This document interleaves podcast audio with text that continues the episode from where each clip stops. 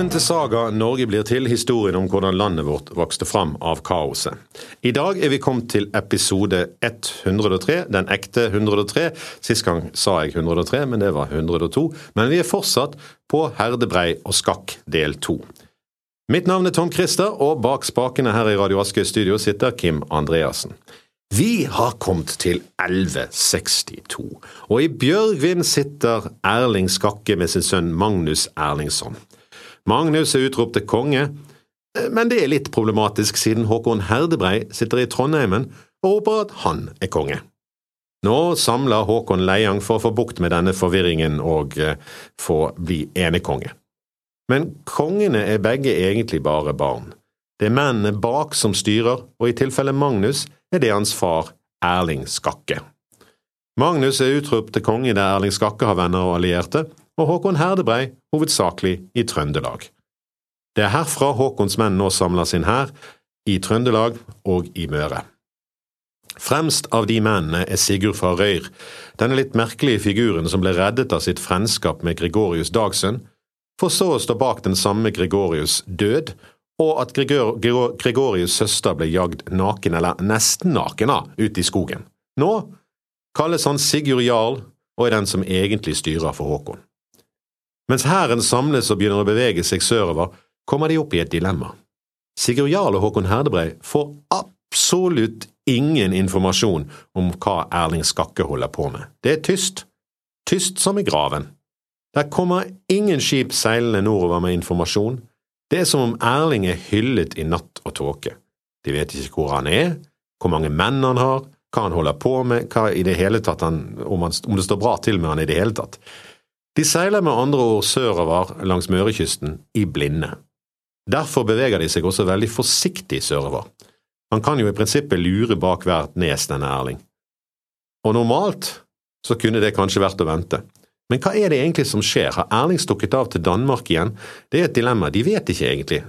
Nei, Erling, han sitter i sitt maktsentrum, Bjørgvin, og der har han samlet en svær hær, men han har også gjort noe annet. Han har satt alle handelsskip som har kommet til Bjørgvin i karantene. De får rett og slett ikke lov til å dra videre. Begrunnelsen han gir, er at han ikke vil at varene deres skal komme hans fiender til gode, altså Håkon og Sigurd i nord. Han sier bjørgvinsmennene skal heller nyte godt av varene, selv om de må selges på tilbud og handelsmennene ikke får så høy pris som de vil. Det blir salg og marked i Bjørgvin, og vi kan tenke oss at mannskapene på handelsskipene er sånn vel passe begeistret for dette. Etter hvert så blir det veldig, veldig, veldig mange skip i Bjørgvin, for det kommer skip hver eneste dag. Nye skip hele tiden. Og de blir værende der. Ingen får lov å seile bort. Vågen fylles opp, og det må ha vært litt av et liv, med hele byen full av sjømenn og handelsmenn, og det må ha vært det største flytende markedet i historien, der handelsskip etter handelsskip blir stengt inne i Vågen og fallbyr sine varer til ivrige bergensere. Og de bergenserne de kan gå tørrskodd fra den ene til den andre enden av Vågen, på vikingskipene og handelsskipene og mellom alle varene. Et stort, enormt flytende supermarked.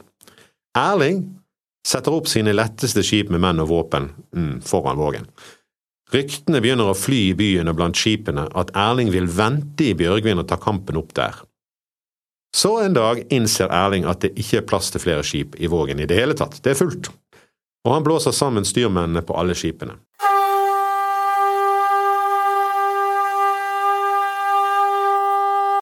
Og nå sier han til de at nå, nå skal dere få reise, og det blir et svareste kappløp. Det gjelder å komme seg først ut, eh, altså det vil si, du kommer jo ikke ut for det ligger masse skip foran deg, så de første får reist først, men de får beskjed denne morgenen, og innen noens er samtlige skip forduftet fra havnen og Bjørgvin. Det blir kappseilas av en annen verden nordover. Det gjelder å komme først med varene, sistemann får den dårligste prisen for handelen, og da er kanskje ingen lenger interessert i varene dine. En enorm flåte handelsskip stevner nordover for fulle seil. De seiler skarpt, for det er god bør, og det er ikke lenge før de er nær Møre. De er nok på vei for å finne den hæren Håkon ruster, for de tenker nok at der vil det være behov for alskens varer når så mange menn skal samles. Noen av disse mennene vil kanskje til og med kjøpe med seg gaver til de som venter hjemme. Der oppe ved Møre så treffer de faktisk på Håkon Sær, det er vanskelig å unngå, den ligger bredt utover der. De driver uh, i denne hæren og rekrutterer nye folk til den i Møre, mens de venter på nytt sørfra. Det har de jo ikke fått på lenge, men nå får de, de det til overmål. Haugevis av skip kommer samtidig, og alle forteller den samme historien. Erling sitter trygt i Bjørgvin og venter på de, og der har han tenkt å bli sittende til de kommer. Dette er gode nyheter for dem. De er trygge her. Erling er langt unna. Med de sikre nyhetene fra flere hold splitter Sigurd Jarl opp hæren, rett og slett for å mer effektivt kunne rekruttere enda mer folk. De deler seg i tre. Sigurd Jarl blir sendt inn i Raumsdal eller Romsdal, og andre blir sendt til de to mørene. Alle fogderiene blir på denne måten dekket. Men dette er en stor feil. Dette er jo det samme Inge Krokrygg gjorde, og det samme Håkon og Sigurd gjorde når, de, når Håkon ble knust av Erling Skakke ved Tunsberg. De burde kjent Erling Skakke bedre. Gang på gang har han lurt de med en eller annen krigslist, men de har ikke lært. Håkon og hans menn, uten sin hærfører Sigurd som er inne i Romsdalen, legger til ved en øy på Møre og går opp på land for å ja, leke, sies det i sagaen, og hva disse lekene består i, er ikke godt å si, men som oftest er det vel brytekamper, eh, stokkekamp, kappløp, svømming, den slags som ungdom drev med før de fikk PlayStation. De litt eldre stormennene holder god avstand fra ungguttenes leik og sitter på en haug og snakker om ungdommens dårskap eller noe sånt. De vet ikke hvor godt de har det. I våre dager måtte vi lage sverdene sjøl, ja, og slipe de sjøl, og hekle brynjer. Brynjer, for noe heldiggriser dere var, vi hadde ikke brynjer, vi, bare kalveskinn og vår egen djervskap. Ah, det er ingenting, vi slåss nakne, vi, med skjold og sverd. Skjold og sverd?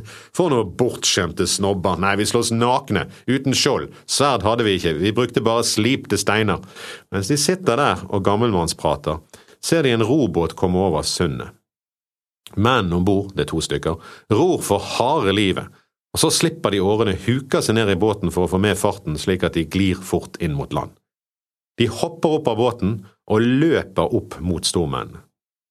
Disse stormennene kommer de i møte, og båtfarerne de hiver etter pusten.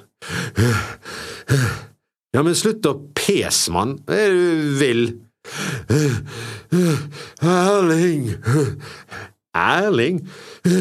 Ja, Erling Skakke kommer! Hæ? Erling? Nei, det er jo umulig, han er jo i Bjørgvin, langt der sør. Nei du, det er Erling Skakke som kommer, som julekvelden på kjerringa eller julenissen til kjerringa. For ryktet om Erlings stand i Bjørgvin er betydelig overdrevet. Totalt overdrevet. Det er fake news. Og det er Erling sjøl som har satt ut ryktet.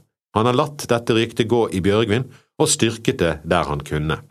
Men Erling har i hemmelighet lagt helt andre planer. Handelsskipene har styrtseilt nordover og fortalt den historien han ville. De seilte på en søndag. Tirsdag morgen etter blåser Erling til samling i byen.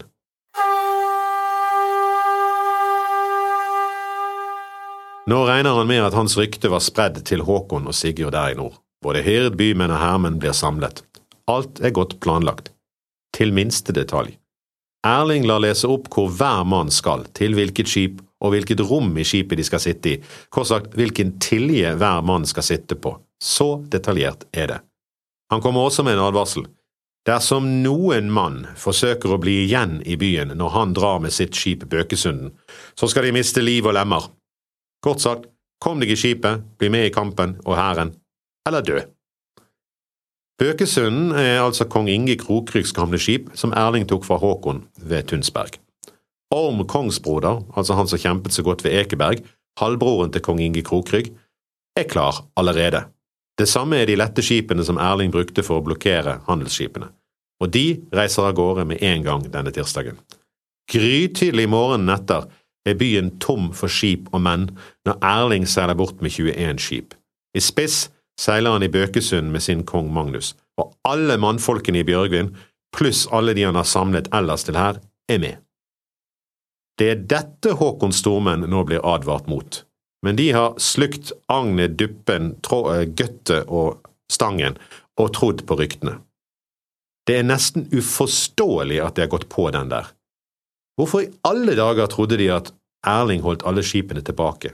Tror de at denne mannen, slu som en rev, bare skal sitte og vente på de og møte de ansikt til ansikt uten å ha noe triks opp ermet?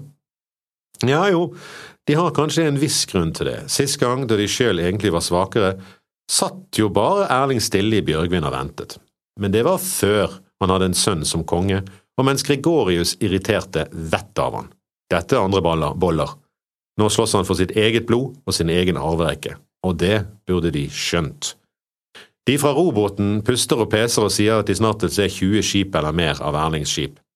Eindride unge, en av stormennene hos Håkon, sier lakonisk. For nær nesen, sa karen, han ble skutt i øyet. Med andre ord, de er blitt tatt på sengen.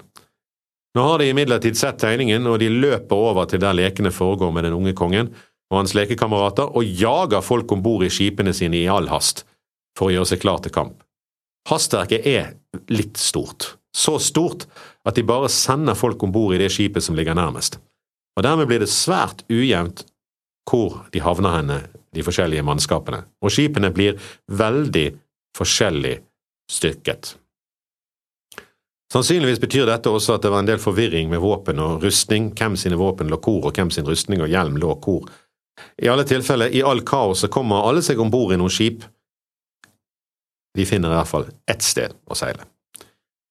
Men det var ikke tid til å tenke på hvor de var henne nå, de kunne se noe av den, denne tidens mest fryktinngytende syn komme mot seg, en horisont dekket av råseil. Erling kommer nå, og han kommer med styrke. Det må da være mer enn 20 skip, dette her. Sjøl har de 14 med ujevnt mannskap. Flere av de skipene som nå er kommet av gårde, seiler eh, med årer og seil mot Veø, fordi at der er det et handelssted, og de håper på hjelp fra de mennene som er der. Men Erling kommer for raskt på, og nå har han med, har han med Bøkesund nådd igjen skipet til den før nevnte Eindride Unge. Det har sin naturlige forklaring, for akkurat dette skipet er et av de som har fått for lite mannskap om bord. Nå er Eindride i alvorlig trøbbel, med Erlings eget store fullrustede skip imot, og noen av hans allierte har sett dette. De blåser i lur til samling for å hjelpe til for Eindride.